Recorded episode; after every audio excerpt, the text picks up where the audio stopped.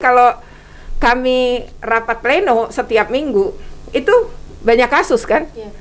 Tapi kasusnya udah dianalisis, udah di udah dicariin data-datanya gitu loh. Jadi nggak dari mentah.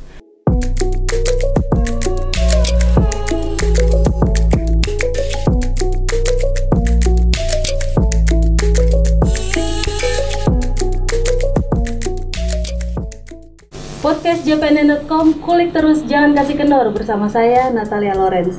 Dan di edisi pertama hari ini podcast JPN.com kita bakal ngebahas soal isu yang lagi panas banget di media sosial, nggak panas-panas banget sih sebenarnya, yaitu soal kata anjay yang pertama kali diprotes oleh youtuber dan selebgram Lutfi Agizal. Dan di studio hari ini sudah hadir Ibu Retno Listriati, komisioner dari Komisi Perlindungan Anak Indonesia atau KPAI yang khusus akan menjelaskan soal uh, polemik kata anjay ini juga. Apa kabar Bu Retno? Alhamdulillah baik, sehat. Seger ya Bu abis terima surat aduan dari Lutfi? Terimanya sudah udah minggu lalu ya. Iya. Uh, ini kan sampai hari ini Bu saya melihat uh, terkait polemik ini masih berlanjut dan KPAI bisa dibilang masih yang disalahkan terkait surat yang viral yang beredar tentang pelarangan kata anjay. Mungkin bisa menjelaskan sedikit terkait itu. Ya, sebenarnya eh, ini eh, orang tidak tahu saja ya beda antara eh, KPAI dengan Komnas PA. Komnas PA kan berarti Komisi Nasional Perlindungan Anak. Ketuanya Aris Merdeka Sirait. Kalau KPAI kan Komisi Perlindungan Anak Indonesia. Nah, ketuanya Pak Susanto. Nah, sebenarnya KPAI ini adalah lembaga negara. Kalau Komnas PA masuk kategori mungkin or- organisasi masyarakat atau LSM ya. Kalau KPAI adalah eh, negara, jadi dia lembaga negara seperti komisi lain, seperti komisi eh, misalnya KPK gitu ya, Komnas HAM, Komnas Perempuan gitu. Nah, KPAI ini eh, lembaga negara yang didirikan atas dasar Undang-Undang Perlindungan Anak. Dan kami eh, memang lahir lebih dulu Komnas PA daripada KPAI. Sehingga barangkali orang lebih mengenal ya, mengenal Komnas PA dibanding dengan KPAI.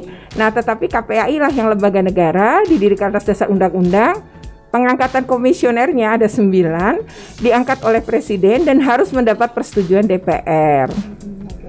Dan setelah adanya protes dari Lutfi ini, katanya medsos dari KPAI banyak diserang sama netizen. Habis lah ya kita dihajar netizen ya, semua media sosial kami, Facebook, Instagram, Twitter, bahkan ada postingan, postingan saya Ya. sedang pengawasan sekolah untuk buka sekolah itu dihujat lebih dari 1.500 orang ya. Isinya soal anjay semua, Bu. Sebuah anjay itu anjay. Terus ketika kami jelaskan bahwa surat yang viral itu bukan kami, tapi bahwa itu Komnas PA, Ya. jawabannya tetap nggak percaya, tetap kita dianjay-anjain juga gitu. Eh, dan ini Bu, se- si Lutfi kan mengirimkan surat pengaduan itu 28 Agustus pekan lalu. Iya. Perkembangan terbaru dari KPAI setelah menerima surat itu gimana? Eh, surat itu sendiri kan sebenarnya dia pertama WA ya ke saya. Jadi WA saya nggak tahu dia dapat nomor saya dari mana, lalu WA. Waktu saya baca, saya lagi webinar. Pas saya baca, sekilas ada empat video. Terus saya lihat videonya kok ada gambar anak-anak. Terus ada kok di sini ada kalimat anjay memang dikeluarkan oleh anak-anak. Lalu saya lihat lagi tulisan dia coba saya baca sekilas lagi, saya ulang lagi. Oh, dia menceritakan bahwa banyak kata-kata anjay diucapkan oleh anak-anak dengan makna yang sebenarnya itu negatif. Nah, karena saya pikir ini perlu pendalaman, Iya. saya bilang sebaiknya eh, lapor KPAI aja agar didalami. Jadi saya kasih nomor pengaduan KPAI, dia langsung melakukan oke. Lalu dijawab juga oleh tim pengaduan KPAI akan diproses. Lalu dia kirim surat ke kami. Eh, suratnya isinya adalah diminta untuk menjadi narasumber di channel YouTube dia. Tapi kami belum menjawab semua. Sampai saat ini Belum. berarti belum jadi narsum untuk Belum. channel YouTube-nya juga. Belum menjawab apa-apa, viral dan Iya. sudah terlanjur dimaki-maki ya. Padahal nggak bikin salah dimaki-maki. Dan ini kan kata Ibu uh, dari KPI akan mencoba meminta pendapat dari ahli, ahli bahasa. bahasa. Nah, sudah sudah mulai berjalan untuk meminta pendapat ahli bahasa itu. Uh, saya ngecek ya, uh, udah sampai di mana itu analis pengaduan kami uh, sudah menyerahkan kepada asisten bidang cyber. Karena menurut Lutfi itu dikatakan juga di banyak media sosial kan begitu. Nah, eh, apa analis pengaduan kami sebenarnya ngasih beberapa data, pendapat dari beberapa orang yang berbeda-beda. Nah, salah satunya sebenarnya disebutin anjay itu artinya asik aja say gitu ya. Aja saya. Ah, ah, terus juga ada beberapa Ya. anak an apa kami kan staff-staff ini punya anak yang masih remaja katanya enggak itu itu enggak enggak negatif gitu terus kata mereka itu kayak wow gitu terus ada juga yang bilang anjay itu eh, mungkin betul bahwa dia adalah binatang berkaki empat Iya. Tapi dia itu makna yang halus jadi sebenarnya sopan kata anak-anak ini gitu ya Anak ya Bu ya. dan katanya sudah biasa lah mereka ngomongin kayak gini tuh di lingkungan mereka udah biasa dan nggak pernah tersinggung dan tidak merasa dikatain hewan berkaki empat gitu ya dari situ kita pikir oh ini harus ngomong sama ahli bahasa sebenarnya apa maknanya gitu nah di kamus bahasa Indonesia kata eh, apa asisten cyber nggak ada Iya. kata anjay itu. Nah, dari situ kata ini mirip dengan anjir, mirip dengan anjrit gitu. Dan ini anjay berarti pemaknaan bahasa berikutnya. Lalu eh, kita pelajari juga eh, ini kok kayaknya eh, apa bahasa Slang. pergaulannya, bahasa slang gitulah ya. Nah, kita berpikir bahwa ini kan berkembang ya, apalagi di kalangan anak muda. Malah jadi Eh, kamu sendiri Bu. Iya, bah kepo aja udah masuk Iya. Kamus Bahasa Indonesia loh ya KBBI. Nah dari situ kemudian kami berpikir oh ini harus hati-hati. Kita belum tentu orang punya makna yang sama dengan apa yang kita pikirkan. Untuk itu perlu masukan sebenarnya dari ahlinya gitu ya. Nah ini lagi proses aja sih sebenarnya dan bukan berarti kan banyak yang bilang gini ya. Ini karena viral KPAI takut ya eh, ngurusin ya enggak. gitu ya. Hati-hati untuk semua kasus gitu bukan cuma anjay. Yang kedua ya sebenarnya tidak istimewa-istimewa banget gitu kan artinya ya biasa aja sebenarnya ini semua eh, apa eh, berjalan prosesnya karena setidaknya pengaduan di kami itu tiga hari itu dari analis pengaduan baru masuk ke asisten bidang. Iya. Nah nanti asisten bidang dalami itu butuh waktu juga gitu. Jadi kalau kami rapat pleno setiap minggu itu banyak kasus kan. Iya. Tapi kasusnya udah dianalisis, udah di udah dicariin data-datanya gitu loh. Jadi nggak dari mentah. Nah kalau Lutfi Jumat baru ngadu satu minggu libur kan hari Senin saat kami mau rapat ya belum ada datanya kan Jadi nggak bisa langsung. nggak bisa memproses, langsung. Lalu minggu ini memang eh, kita rapat pleno lagi, tetapi saya tidak eh, apa eh, belum tahu juga apakah Anjay adalah termasuk yang sudah siap untuk diplenokan gitu ya. Jadi nggak nggak mudah juga. Maka ketika Komnas PA mengeluarkan, ya mungkin mereka sudah melakukan analisis. Kami sehari bisa 15 pengaduan, Mbak. Jadi kalau 15 pengaduan bermacam-macam pelanggaran hak anak, Iya.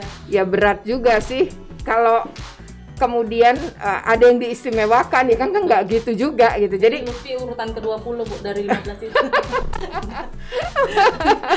Jadi masih cukup banyak. jadi masih ada waktu ya. sebenarnya kan kecuali urgent itu ada kaitannya dengan nyawa ada kaitannya dengan itu kita pasti dahuluin gitu tapi kalau untuk hal-hal yang sifatnya apa eh, anjay ini Iya.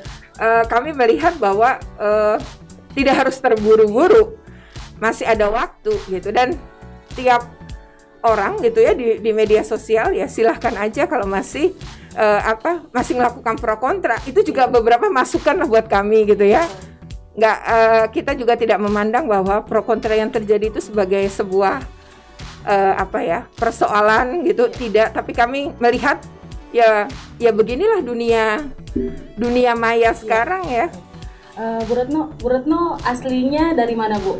Saya salah tiga, Jawa Tengah. Lahirnya di Jakarta. Lahir besar Jakarta. Nah, ini kan kebanyakan anak-anak yang komentar di medsos hmm. eh, mengatakan kalau kata anjay ini sebenarnya sudah ada sejak lama gitu di Jakarta. Hmm. Apa ibu sendiri pernah mendengar itu waktu masa muda ibu gitu? Enggak.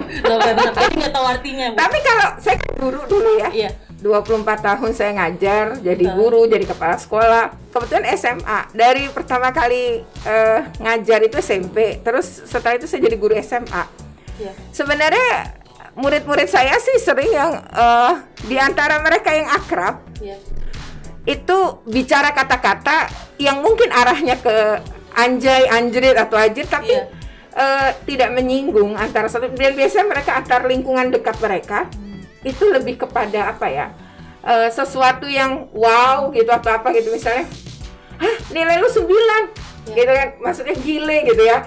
Tapi ini hah nilai lu sembilan? Anjing gitu ya. Itu artinya ada kata-kata yang saya juga kaget waktu dengar itu. Ya. saya bilang loh kok kamu ngomong gitu? Lalu mereka ketawa gitu. Terus beberapa lagi main game gitu ya di antara mereka. Terus rupanya kalah gitu. Ya. terus keluarlah kata-kata yang bagi saya juga kok kasar gitu ya. Nah, kalau ada saya saya tegur. Tapi lama-lama uh, apa ya saya melihat uh, itu hal biasa di kalangan anak-anak. Tapi mereka marah kalau ada temannya di luar kelompoknya ngatain itu gitu. Jadi kalau dari situ saya melihat ya uh, ini namanya bahasa pergaulan ya. ya. Kita belum simpulkan seperti apa, tapi kami lebih melihat ini kayaknya bahasa slang deh yang muncul yang akan muncul silih berganti dan akan akan terus menerus diproduksi gitu. Oh ya Bu Retno, ini di KPAI apa sudah pernah ada pelaporan sejenis yang seperti Lutfi Agisal ini? Pernah dapat laporan yang seperti itu maksudnya soal perkata? Hmm. Kalau karena saya baru jadi komisioner 2017 ya. Iya. Uh, dari 2017 sampai hari ini sih ya baru Lutfi ya kalau saya hmm. uh, apa me melihat gitu ya atau yeah uh, mempelajari gitu ya. Tetapi saya nggak tahu kalau uh, di periode sebelumnya. Yeah. Iya. Uh, namun kalau bagi KPAI kami kan apa pun yang diadukan harus diproses. Yeah.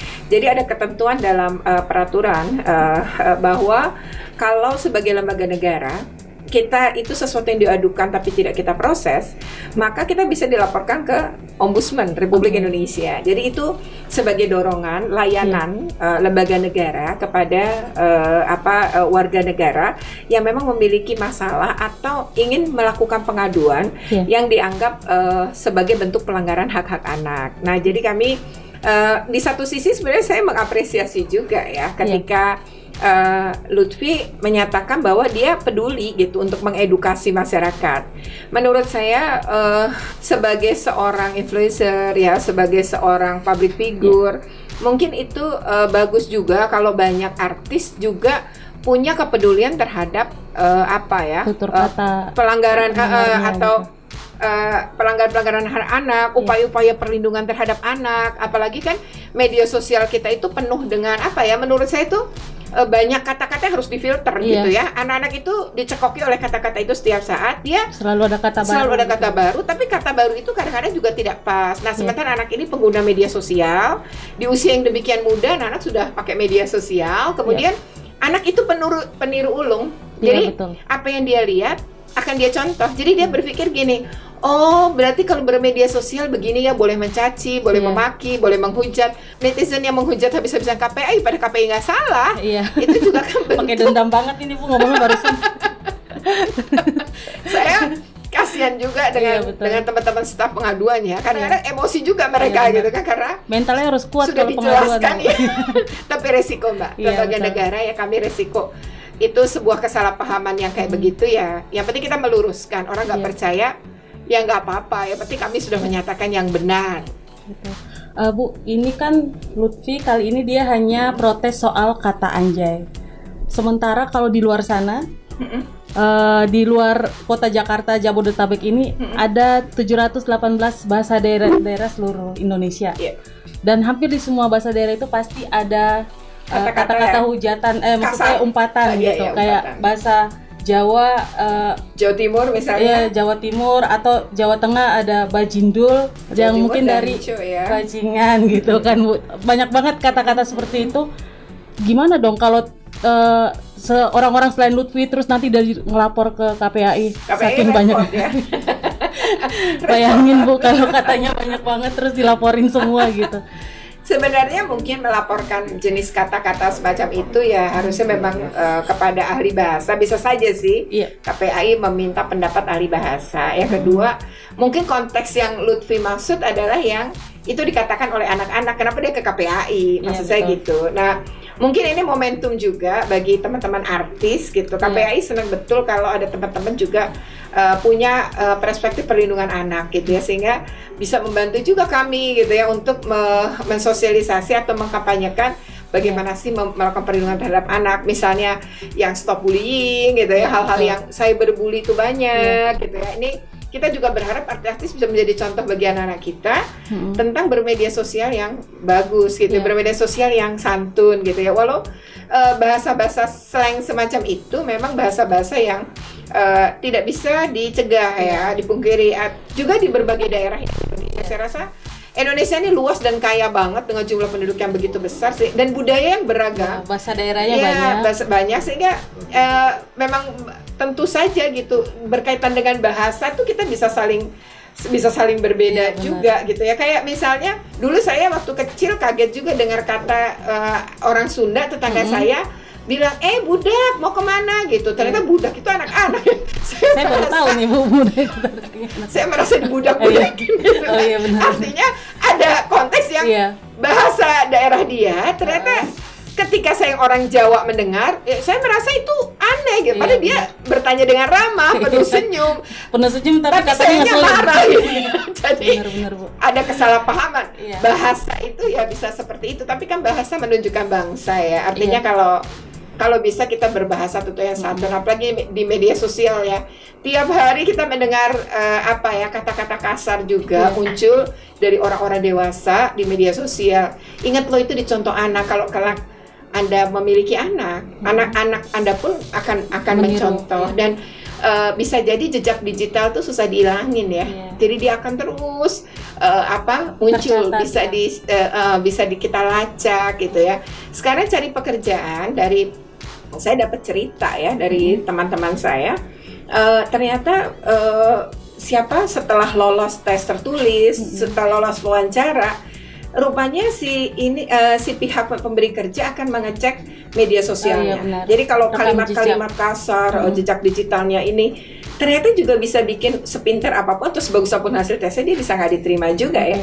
Jadi artinya uh, penting uh, santun di media sosial itu karena jejak digital itu bisa mempengaruhi uh, kita ya. Hmm. Mimpi kita bisa kerja di sebuah perusahaan yang udah kita dambakan ternyata gara-gara suka ngomong suka yang kasar gitu ya atau uh, dianggap orang tidak santun, akhirnya malah uh, menghambat kita hmm. gitu. Kalau dari KPA itu ada bagian khusus untuk uh, menelusuri kata-kata yang kurang baik yang di medsos gitu ada tugasnya ya, gitu bu? Gak ada, karena gini uh, orang juga suka salah ya, kayak ya. tayangan apa ya sinetron ya? Iya. Kalau dia udah ditayang di TV harusnya dengan KPI bukan KPAI. KPI kan Komisi Penyiaran Indonesia. Ya, Tapi karena berkaitan dengan anak, misalnya waktu itu hmm. jendela SMP ya, ya, itu ya akhirnya KPAI harus bersurat setelah kita melihat juga lalu uh, bersurat kepada KPI untuk memberikan uh, apa memproses itu uh, ter, uh, di di televisi yang menayangkan ya. tadi. Yang kedua adalah uh, ini uh, Kemeninfo ya. ya Kemeninfo. Jadi misalnya uh, ada kasus kekerasan, misalnya di video viral, yeah. kami baru ke kepolisian, Cyber okay. Polri. Kami minta karena kita nggak punya alat kan, oh, yang punya kan orang-orang ini, nanti uh, pihak pihak lembaga-lembaga ini. Jadi ke polisi kita suka nanya, uh, apa bertanya ini kejadiannya kapan di mana? Nanti polisi punya punya alatnya tuh. Yeah. dia mereka akan dapatkan oh ini kejadian tidak di Indonesia misalnya. Yeah. waktu itu ada penculikan yang di apa anaknya tuh seperti di dalam kardus gitu ya melakukan ternyata uh, itu tidak di Indonesia. Kemudian juga ada beberapa kasus kekerasan yang anak digantung tuh uh, yeah. kakinya di atas kemudian dekat jendela lalu orang tuanya melakukan kekerasan ternyata juga di Filipina gitu ya. Kemudian uh, itu kita tahunya dari mana? Dari kepolisian. Karena polisi itu bisa tahu letaknya di mana. Bahkan video itu dibuat tahun berapa tuh bisa tahu. Oke. Nah kalau Kemeninfo misalnya pemblokiran, misalnya gini. uh, di media sosial ternyata ada video kekerasan yang viral. Mm-mm. Nah, padahal itu bahaya gitu. Maka uh, kami meminta supaya uh, pihak Menteri uh, Kemeninfo tuh memblokir. Nanti diblokir kan kalau dia udah sempat di-download terus dikirim ke WA WA udah nggak bisa tuh. Tapi se- sampai kalau dia masih ada di uh, apa uh, ini masih bisa di ditayangkan bisa tidak lewat WA ke WA dalam bentuk di-download sebenarnya bisa keblokir gitu. Jadi eh, KPAI tentu berkoordinasi kalau untuk urusan begini. Tapi kalau urusan bahasa sih Jadi belum Baru ada kali ini. semacam uh, program dari KPI yang khusus, mungkin ada bagian khusus untuk enggak. uh, lebih ke edukasi soal tutur kata bahasa anak-anak Oh. Indonesia gitu ada nggak tuh? Kalau itu sih memang ya kami walau kami tidak punya apa eh, tugas sosialisasi, tapi kami itu punya tugas sebenarnya mengadvokasi juga gitu. Jadi advokasi kebijakan terutama. Jadi eh, kita tuh tugasnya menerima pengaduan, melakukan pengawasan, eh, melakukan kajian memang ada, tapi eh, terkait itu nanti arahnya memang untuk advokasi kebijakan perlindungan anak. Jadi misalnya eh, oh ini kok banyak ya kata-kata seperti ini. Mungkin Oke. kalau kita anggap membahayakan anak-anak,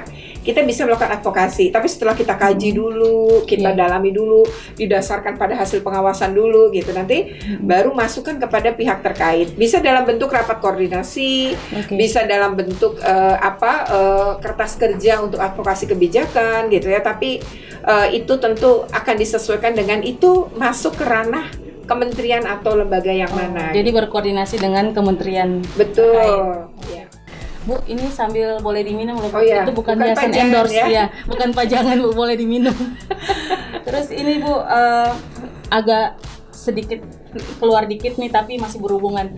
Dulu Bu Retno eh, termasuk yang vokal eh, di zaman Pak Ahok dalam ya itu eh, melawan Pak Ahok lah tanda kutip apa itu juga karena beliau termasuk orang yang suka berkata-kata kasar dan itu mempengaruhi anak-anak seperti itu Eh, kalau itu bukan kewenangan saya, memang Oh, iya. saya guru ya, iya terus kepala sekolah gitu. Jadi eh, waktu itu eh, kasus pencopotan itu adalah Mm-mm. eh, sedang ujian nasional, sebenarnya hari Oke. kedua. Lalu pagi-pagi eh, saya harus wawancara, eh, sebenarnya waktu itu talk show ya dengan Menteri Pendidikan waktu itu adalah Pak Anies Baswedan. Oh, Nah, terkait dengan kebocoran ujian nasional hmm. di Google Drive. Nah, tapi pagi apa eh, saya sebenarnya sudah kembali ke sekolah bahkan sebelum ujian dimulai. Jadi sudah kembali. Iya. Tapi kemudian eh, saya kaget gitu kok di media ter apa tertulisnya adalah keluyuran gitu ya kepala sekolah Hmm, keluyuran gitu. Lalu padahal keluyuran ini kalau ke pasar keluyuran kali ya mbak. Orang ini orang ini tuh bicara pendidikan di sebuah stasiun TV dan rencananya dengan seorang menteri. Menurut saya itu bukan bentuk keluyuran gitu ya.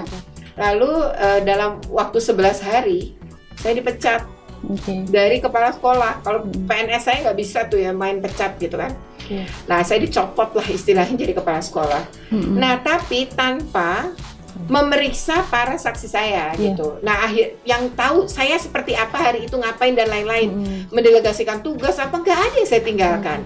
Nah ternyata eh, tidak ada pemeriksaan. Lalu Toto saya dihukum Mm-mm. eh, dengan dicopot. Habis itu saya sebenarnya sempat datang ya ke Pak Ahok untuk melakukan klarifikasi, tapi beliau tidak membuka pintu. Eh, saya sempat ke Ombudsman Republik Indonesia karena saya anggap ini maladministrasi karena tidak sesuai pemeriksaan yang dilakukan dan seharusnya dalam Undang-Undang Guru Dosen saya pun punya hak untuk membela diri. Nah singkat cerita ditolak juga tuh oleh pemerintah. Ya Oke. saya bilang nggak ada cara lain kecuali saya melawan melalui pengadilan. Jadi secara hukum saya ajukan gugatan ke PT UN ternyata tiga tuntutan empat tuntutan saya seluruhnya dikabulkan di pengadilan tingkat pertama Oke. Eh, pemerintah provinsi DKI Jakarta melakukan banding. Eh, di, per- eh, di pengadilan. Saya kembali menang. Eh, lalu eh, mereka lakukan kasasi ke Mahkamah Agung dan saya kembali menang gitu. Jadi kalau main bola hat trick lah 3-0 Iya, ya. hat-trick ya. jadi saya menang terus di seluruh tingkatan pengadilan. Uh, saya sempat uh, ditawarkan untuk menjadi kepala sekolah lagi pada Hmm. saat itu bukan oleh Pak Ahok tapi Oh, iya. ya waktu itu beliau Nanti berantem sedang- lagi bu ya sama Pak Ahok. waktu itu Pak Ahok tuh sedang masuk tahap kedua Oh oke. uh, pilkada DKI Oh, oke. jadi kan harus cuti ya Iya. gubernurnya bukan beliau kan waktu itu Pak Sony ya yang dari Kemendagri dan waktu itu dengan dinas pendidikan akhirnya saya bilang saya nggak mau jadi kepala sekolah lagi Oke. saya mau jadi komisioner KPAI. Untuk itu dari perwakilan pemerintah. Jadi saya minta rekomendasi dan dukungan Pemprov DKI Jakarta. Mhm. Ternyata didukung. Maka jadilah saya komisioner KPAI seperti Iya. sekarang. Jadi nggak pernah bermasalah gara-gara Pak Ahok yang Kata-kata. sering berkata Nggak. kasar gitu. Enggak, ke- Enggak ya? mungkin karena Atau udah ke biasa saya mendengar enggak ya. Iya. Atau ke sayanya Iya. enggak gitu ya. Tapi intinya sebenarnya keberatan saya adalah saat itu eh, Hmm. terkait dengan pencopotan yang bagi saya sewenang-wenang gitu ya. Harusnya pemerintah tidak melakukan tindakan yang sewenang-wenang karena itu akan eh, bertentangan dengan Undang-Undang 30 ya tentang administrasi pemerintahan. Hmm. Nanti eh, jadinya eh, apa eh, pemerintah itu kan harusnya dalam keputusannya berimbang Iya. gitu ya, memperhatikan eh, apa tidak mencederai juga keadilan gitu. Itu sih dulu sebenarnya ya. Jadi bukan karena kata-kata beliau walaupun sebenarnya di media sosial sudah banyak ya percakapan Iya. tentang itu. Eh, ibu, ibu kan juga seorang ibu eh, rumah tangga juga. Eh, ketika ibu pasti pernah dong mendengar anak ibu mungkin menggunakan kata-kata yang slang tadi yang dari tadi kita bahas. Kalau ibu bukan sebagai KPI, ya, Bu, sebagai seorang ibu gimana mengontrol, mengendalikan? Anak-anak. Iya. Saya kan punya tiga anak ya. Oh, Eh, sebenarnya yang saya agak ngeri sekarang itu kalau main game ya. Oke. Kan kalau di game itu eh, tutorialnya aja orang yang kita tonton main game aja dia ngeluarin kata-kata kasar gitu ya. Nah itu eh, saya eh, apa eh, selalu eh, bicara untuk anak saya yang paling kecil ya. Hmm. Anak saya itu tiga satu perempuan dua laki-laki dan anak dari dari semua anak itu ya eh, kita upayakan untuk tidak berkata kasar ya. So Iya. diingatkan tapi kalau kami tuh ngasih tahu tuh bukan ngelarang tapi memberi alasan. Yang kedua contoh. Iya. Saya rasa anak-anak tuh lebih role model loh. Jadi Hmm. Eh, daripada kita ngomong panjang kali lebar kali luas Iya. gitu ya tapi masuk kuping kiri keluar kuping Betul. kanan lebih baik kita menjadi contoh bahwa mama papa kalau bermedia sosial kayak apa mama papa kalau bicara kayak apa eh, bahwa eh, kita mencontohkan dalam kehidupan sehari-hari ngomong sama dia pun nggak Iya. pernah memaki tidak kasar tidak tidak berteriak mau Iya. apa eh, ap- eh, mengata-ngatai dengan kata tidak pernah Mm-mm. jadi anak-anak juga tidak Meniru, nyaman. ya. Mm-mm. Uh, uh, jadi tidak nyaman ketika ada orang yang uh, berkata-kata kasar gitu. Dia sini nggak nyaman. Tapi anak saya ini yang kedua misalnya dia punya geng gitu ya, Mm. yang uh, ternyata di gengnya itu ada kata-kata macam-macam gitu. Iya. ya. Jadi misalnya uh, kebetulan dia dijulukin upil gitu ya. Padahal anaknya Suka gede. Terus teman-teman yang lain juga ada gitu Iya. dijulukin uh, binatang gitu ya, Iya. uh, monkey atau apa gitu. Tapi kayaknya itu perkataan di antara mereka ya. Hmm. Jadi artinya tidak pernah juga menimbulkan sakit menimbulkan hati. sakit Iya. hati. Mungkin di lingkungan mereka, tapi kalau itu digunakan oleh orang luar terhadap mereka, mungkin mereka marah gitu Iya. ya. Artinya eh, itu bahasa akrab di antara mereka, tapi sepanjang saya lihat sih nggak nggak pernah juga ngata-ngatain eh, dengan kalimat kasar, misalnya Iya. binatang atau apa sih enggak ya. Maksudnya binatang berkaki empat seperti yang eh, yang sedang kita bahas dia. ya. Kasihan yang binatang berkaki empat itu kok dia nggak salah loh. Dia Ada dulu kerbau sapi juga yang berkaki empat. Dan ini Bu, tadinya kata anjay ini, anjay, uh, anjrit dan turunannya itu saudara-saudaranya itu hanya diketahui oleh anak-anak di uh, wilayah Iya. Jabodetabek, Jabar dan sekitarnya. Tapi setelah adanya protes dari Lutfi Agizal ini, seluruh Indonesia jadi tahu. Wah. Sampai ya di Papua dan di kampung halaman saya juga jadi tahu gitu dan Oh ya? justru digunakan gitu di medsos. Nah, Oh sekarang malah jadi Oh, iya. itu kosakata baru. Jadi kosakata baru Bu, masuk di KBBI versi mereka. jadi eh, bagaimana cara KPAI untuk mengendalikan kata-kata yang semakin populer itu gitu. Kalau memang itu tidak sopan ya Bu ya. Maknanya negatif. Eh, sebenarnya sih kalau kalau bagi eh, KPAI ya ini kan bagaimana pengasuhan orang tua ya kalau kami ya. Jadi kalau ini gini gini uh, negara itu bisa saja uh, apa ya mencegah. Dengan uh, cara pakai aturan, eh, dibikinlah ketentuan-ketentuan. Namun kalau terkait misalnya kata, ini kan belum belum pasti ya, belum belum ada yang menyatakan uh, apakah ini dilarang atau tidak Ke, ya kecuali mungkin Komnas PA yang mengatakan sebaiknya tidak menggunakan hmm. tetapi uh, bagi KPAI adalah uh, ini kan kata-kata seperti ini akan diproduksi begitu banyak ya. Sekarang kita dulu anjrit, dulu iya. uh, uh, sekarang anjay gitu ya. Terus Kalau nanti udah pernah dengar sebelumnya. Sudah pernah dengar karena oh, kan okay. sebenarnya itu muncul di banyak anjir juga ya. Iya itu muncul di banyak uh, media sosial gitu ya. Tetapi bahwa kata-kata itu jadi apa ya familiar iya. betul iya. untuk kalangan anak muda. Saya juga kaget ya kalau kata anjay yang sangat populer ini akhirnya iya. menjadi apa uh, apa uh, konsumsi iya, anak-anak di mana-mana di seluruh Indonesia bahkan mungkin di Papua begitu iya. ya uh, terkait dengan kata-kata uh, anjay ini tadi gitu ya. Kalau bagi saya ya begitulah dunia media sosial ya. Sesuatu tuh yang uh, apa yang uh, meskipun masih pro kontra tapi demikian uh, apa viralnya itu bisa sangat dikenal ya demikian gitu ya sampai seperti itu. Nah kalau bagi uh, kami uh, KPAI memang uh, tentu kami tidak punya uh, tenaga juga misalnya ya uh, atau juga tidak uh, kami kebetulan tidak punya kewenangan juga melakukan sosialisasi tapi saya rasa kembali ya kepada pengasuhan orang tua tadi gitu ya. Jadi kalau kata Anjay sendiri masih pro kontra, ya belum tentu juga negatif, ya mungkin saja negatif, tapi uh, bahwa ini pembelajaran lah untuk kita semua gitu ya, bahwa uh, kita udah masuk di dunia baru ya, dunia yang mungkin dulu saya masih muda nih nggak ada yang begini-begini hmm. gitu ya. Sebenarnya Lutfi sendiri menceritakan ada empat kata sebenarnya. Hmm. Hanya Anjay ini apa ya kayak apa ya poin mungkin dia kata baru hmm. atau sering sekali diucapkan oleh beberapa public figure begitu ya. Uh, dia me, me, menekankan kepada anjay. Meskipun sebenarnya di situ dia menyebutkan beberapa. Sebenarnya anjrit anjir itu juga dia sebut sama BGST ya. Yep. satu lagi adalah anjay. Dan menurut dia itu adalah jenis kata-kata kasar yang memang biasa diucapkan oleh anak-anak saat ini Bu Retno ini kan Lutfi Agizal lagi terkenal terkenalnya di mana mana nama dia tuh di Google ada mulu Lutfi Agizal Anjay gitu kan.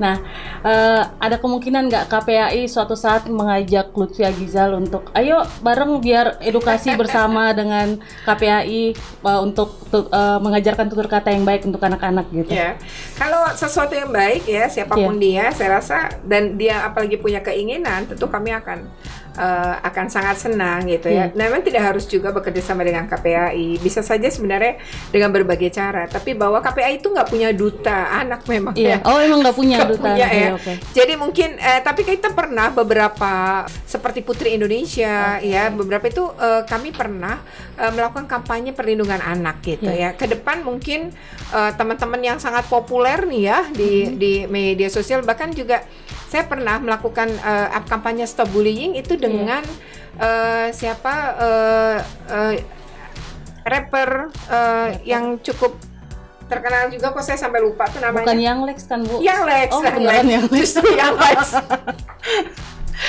Bahkan waktu itu uh, kebetulan kita bahkan beberapa ya di di iya. beberapa yeah. kota karena kebetulan ada film yeah. yang uh, secara itu uh, apa saya uh, kampanye perlindungan anaknya dari cyberbully kemudian dia juga uh, punya lagu tentang mm -hmm. betapa dampak bullying bullying okay. itu bisa membunuh seseorang itu jadi jarimu mm -hmm. bisa membunuh orang lain gitu ya waktu itu uh, apa bagi kami uh, uh, kalau memang ada uh, kita waktu itu juga pro kontra ada gitu ya saya dianggap bahwa uh, yang Lex yang penuh dengan uh, tato dan lain orang, orang Indonesia kan juga lebih banyak ngelihat apa sih penampilan yeah. begitu ya lalu uh, seperti menghujat lalu saya bilang waktu itu uh, yang Lex tuh bagus. Dari sisi itu dia pernah ngalami bully kemudian yeah. dia juga bisa demikian kuat dibully karena uh, waktu uh, persis saat itu ada uh, apa ya uh, pemain film Korea ya uh, yeah. seorang wanita yang cantik terkenal uh. hebat gitu tapi dia bunuh diri di usia 25 okay. saya rasa tidak semua orang mampu melewati itu gitu jadi orang dibully itu menyakitkan kan membuli itu prinsipnya menindas ya membuli itu kan prinsipnya menyakiti merendahkan orang lain nah apa yang dilakukan itu sebenarnya bisa berdampak. Jadi hmm. secara psikologis kepada siapa pun, termasuk misalnya uh, teman-teman garda terdepan KPAI di media sosial, yeah. mereka juga terdampak saat dibully kayak begitu yeah, gitu ya. Jadi itu ya. Iya, jadi yeah. dia mengalami juga ketika menjawab tapi tetap dibully, ketika mm. salah paham tetap dibully. Itu secara dampak psikologis pasti ada. Artinya uh, tiap orang yang merasa yang tersakiti, bully mm. itu sebenarnya nanti korban ya. Kalau korban yeah. merasa tersakiti ya kita bisa bilang itu sebagai Bully. bentuk pembulian gitu. Yeah. Jadi sekarang bulinya kan di dunia maya karena mungkin ini Lutfi terkenal juga karena kita semua sekarang ada di rumah. Yeah. Anak-anak kita pegang gadget, sedang pembelajaran mm. jarak jauh dengan daring sehingga yang pasti Kebaca ngeliat, sama dia. Gitu. Ah, jadi itu ikut me mensukseskan yes. tadi ya. Oh, semua viralnya, jadi tahu. Ya. Ah, tapi bahwa mungkin ini momentum ya Mbak ya bagi hmm. kami KPAI untuk uh, stop bullying itu tidak bukan bukan karena untuk lembaga kami atau yeah. terhadap lembaga kami saja tapi menurut kami kepada semua. Yeah. Jadi bahwa uh, bully, stop bully lah gitu ya. Waktu itu uh, cara berpikir yang Lex dan bagaimana perjuangan dia bagi kami adalah lebih uh, saat itu uh, dan dia punya uh, ini ya apa uh, cara pandang bagaimana harus menghentikan bully. Saya pikir sesuatu yang positif iya. aja yeah. gitu dan waktu itu yang les kalau tidak salah pernah buat lagu juga mm-hmm. uh, karena setelah itu kan uh, saya mungkin secara pribadi setidaknya kenal gitu ya jadi waktu itu dia bikin lagu kalau nggak salah ada bacot gitu ya kata bacot ya yeah, saya, saya yakin kurang hafal lagunya uh, uh, jadi uh, waktu itu ada dan itu dianggap kasar kata iya. bacot yeah. oleh seorang uh, psikolog yang bernama Dedi siapa oh, itu? Debbie Susanto. Iya, ya. yang yang dia uh, uh, dituding juga oleh uh, youtuber lain uh, ya, iya, selebgram atau ya. ya Bu. Nah dari situ karena saya ikut dibully oh, pada iya, saat okay. itu. Ikut tiap kali ada yang bully ikut waktu, dibully Bu. kata bacot itu uh, saya datang ke Yang Lex saya okay. mau tanya Yang Lex uh, dia suka dia produktif bikin lagu gitu ya hmm. terus saya bilang Uh, kemudian ada lagu ini apa maksudnya? Maknanya uh, bacot aja itu apa gitu. Saya datang loh.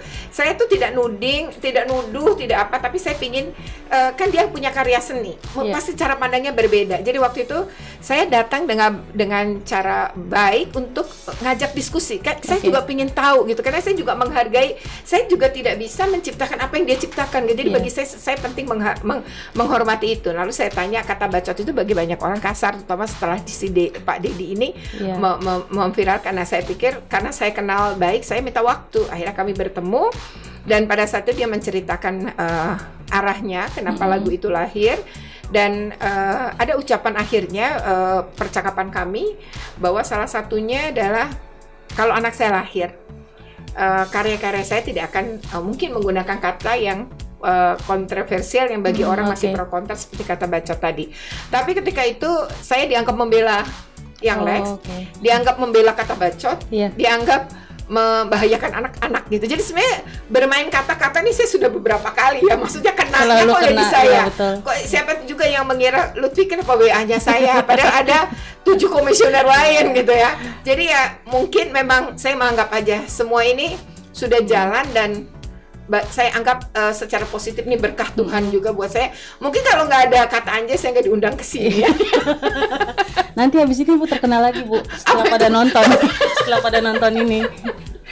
Dan ini Bu yang terakhir Apa? pesan dari Ibu dan dari KPAI tentunya untuk influencer, public figure uh, dalam membuat konten agar menggunakan kata-kata yang lebih sopan halus hmm. karena kan anak-anak kan juga banyak yang menonton gitu dan menjadi penggemar ya para ya, youtuber betul. ini ya betul uh, sekali. karena anak saya yang kecil pengen jadi youtuber juga oh iya ya jangan lupa diingetin ya bu ya, ya baik uh, bagi kami uh, karena kami adalah Komisi Perlindungan Anak Indonesia ya.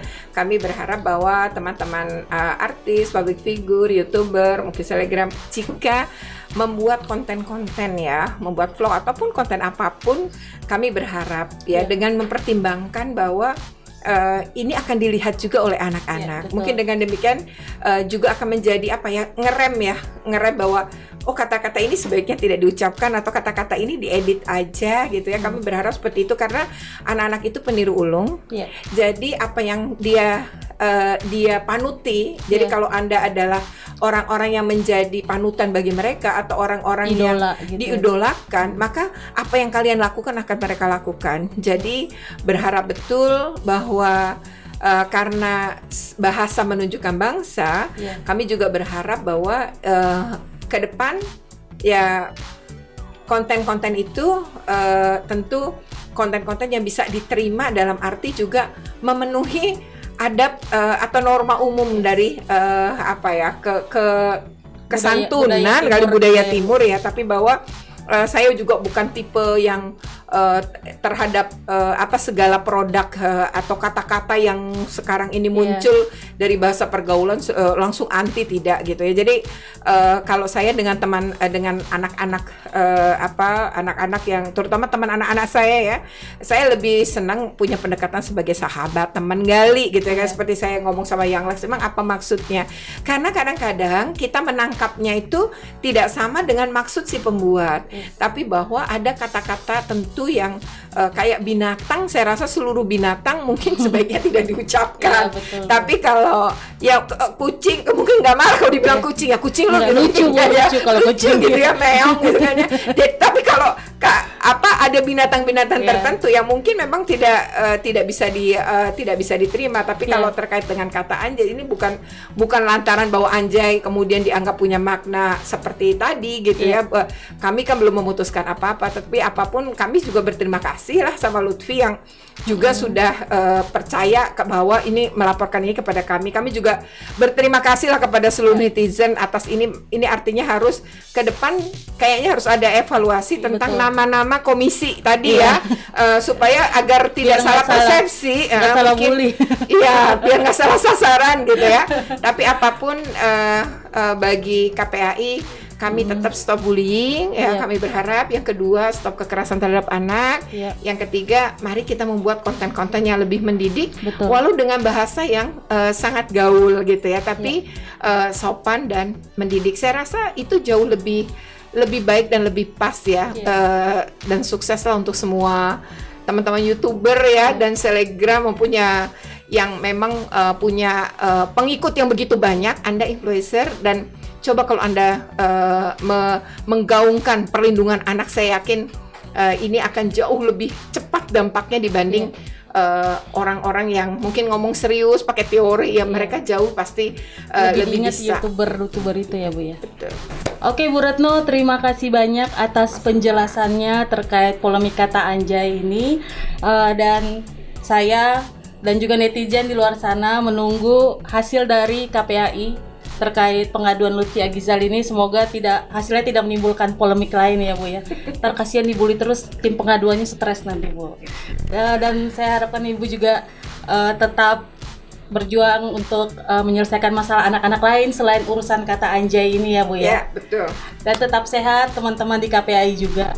Dan untuk viewers jpnn.com Demikian tadi perbincangan kita mengenai isu polemik kata anjay bersama Ibu Retno Listriati dari Komisi Perlindungan Anak Indonesia atau KPAI. Nantikan isu-isu menarik lainnya di podcast jpnn.com bersama saya Natalia Lorenz. Kulik terus, jangan kasih kendor. Dan jangan lupa juga untuk tetap menjaga kesehatan, pakai masker, jaga jarak, dan menghindari penularan virus COVID-19. See you!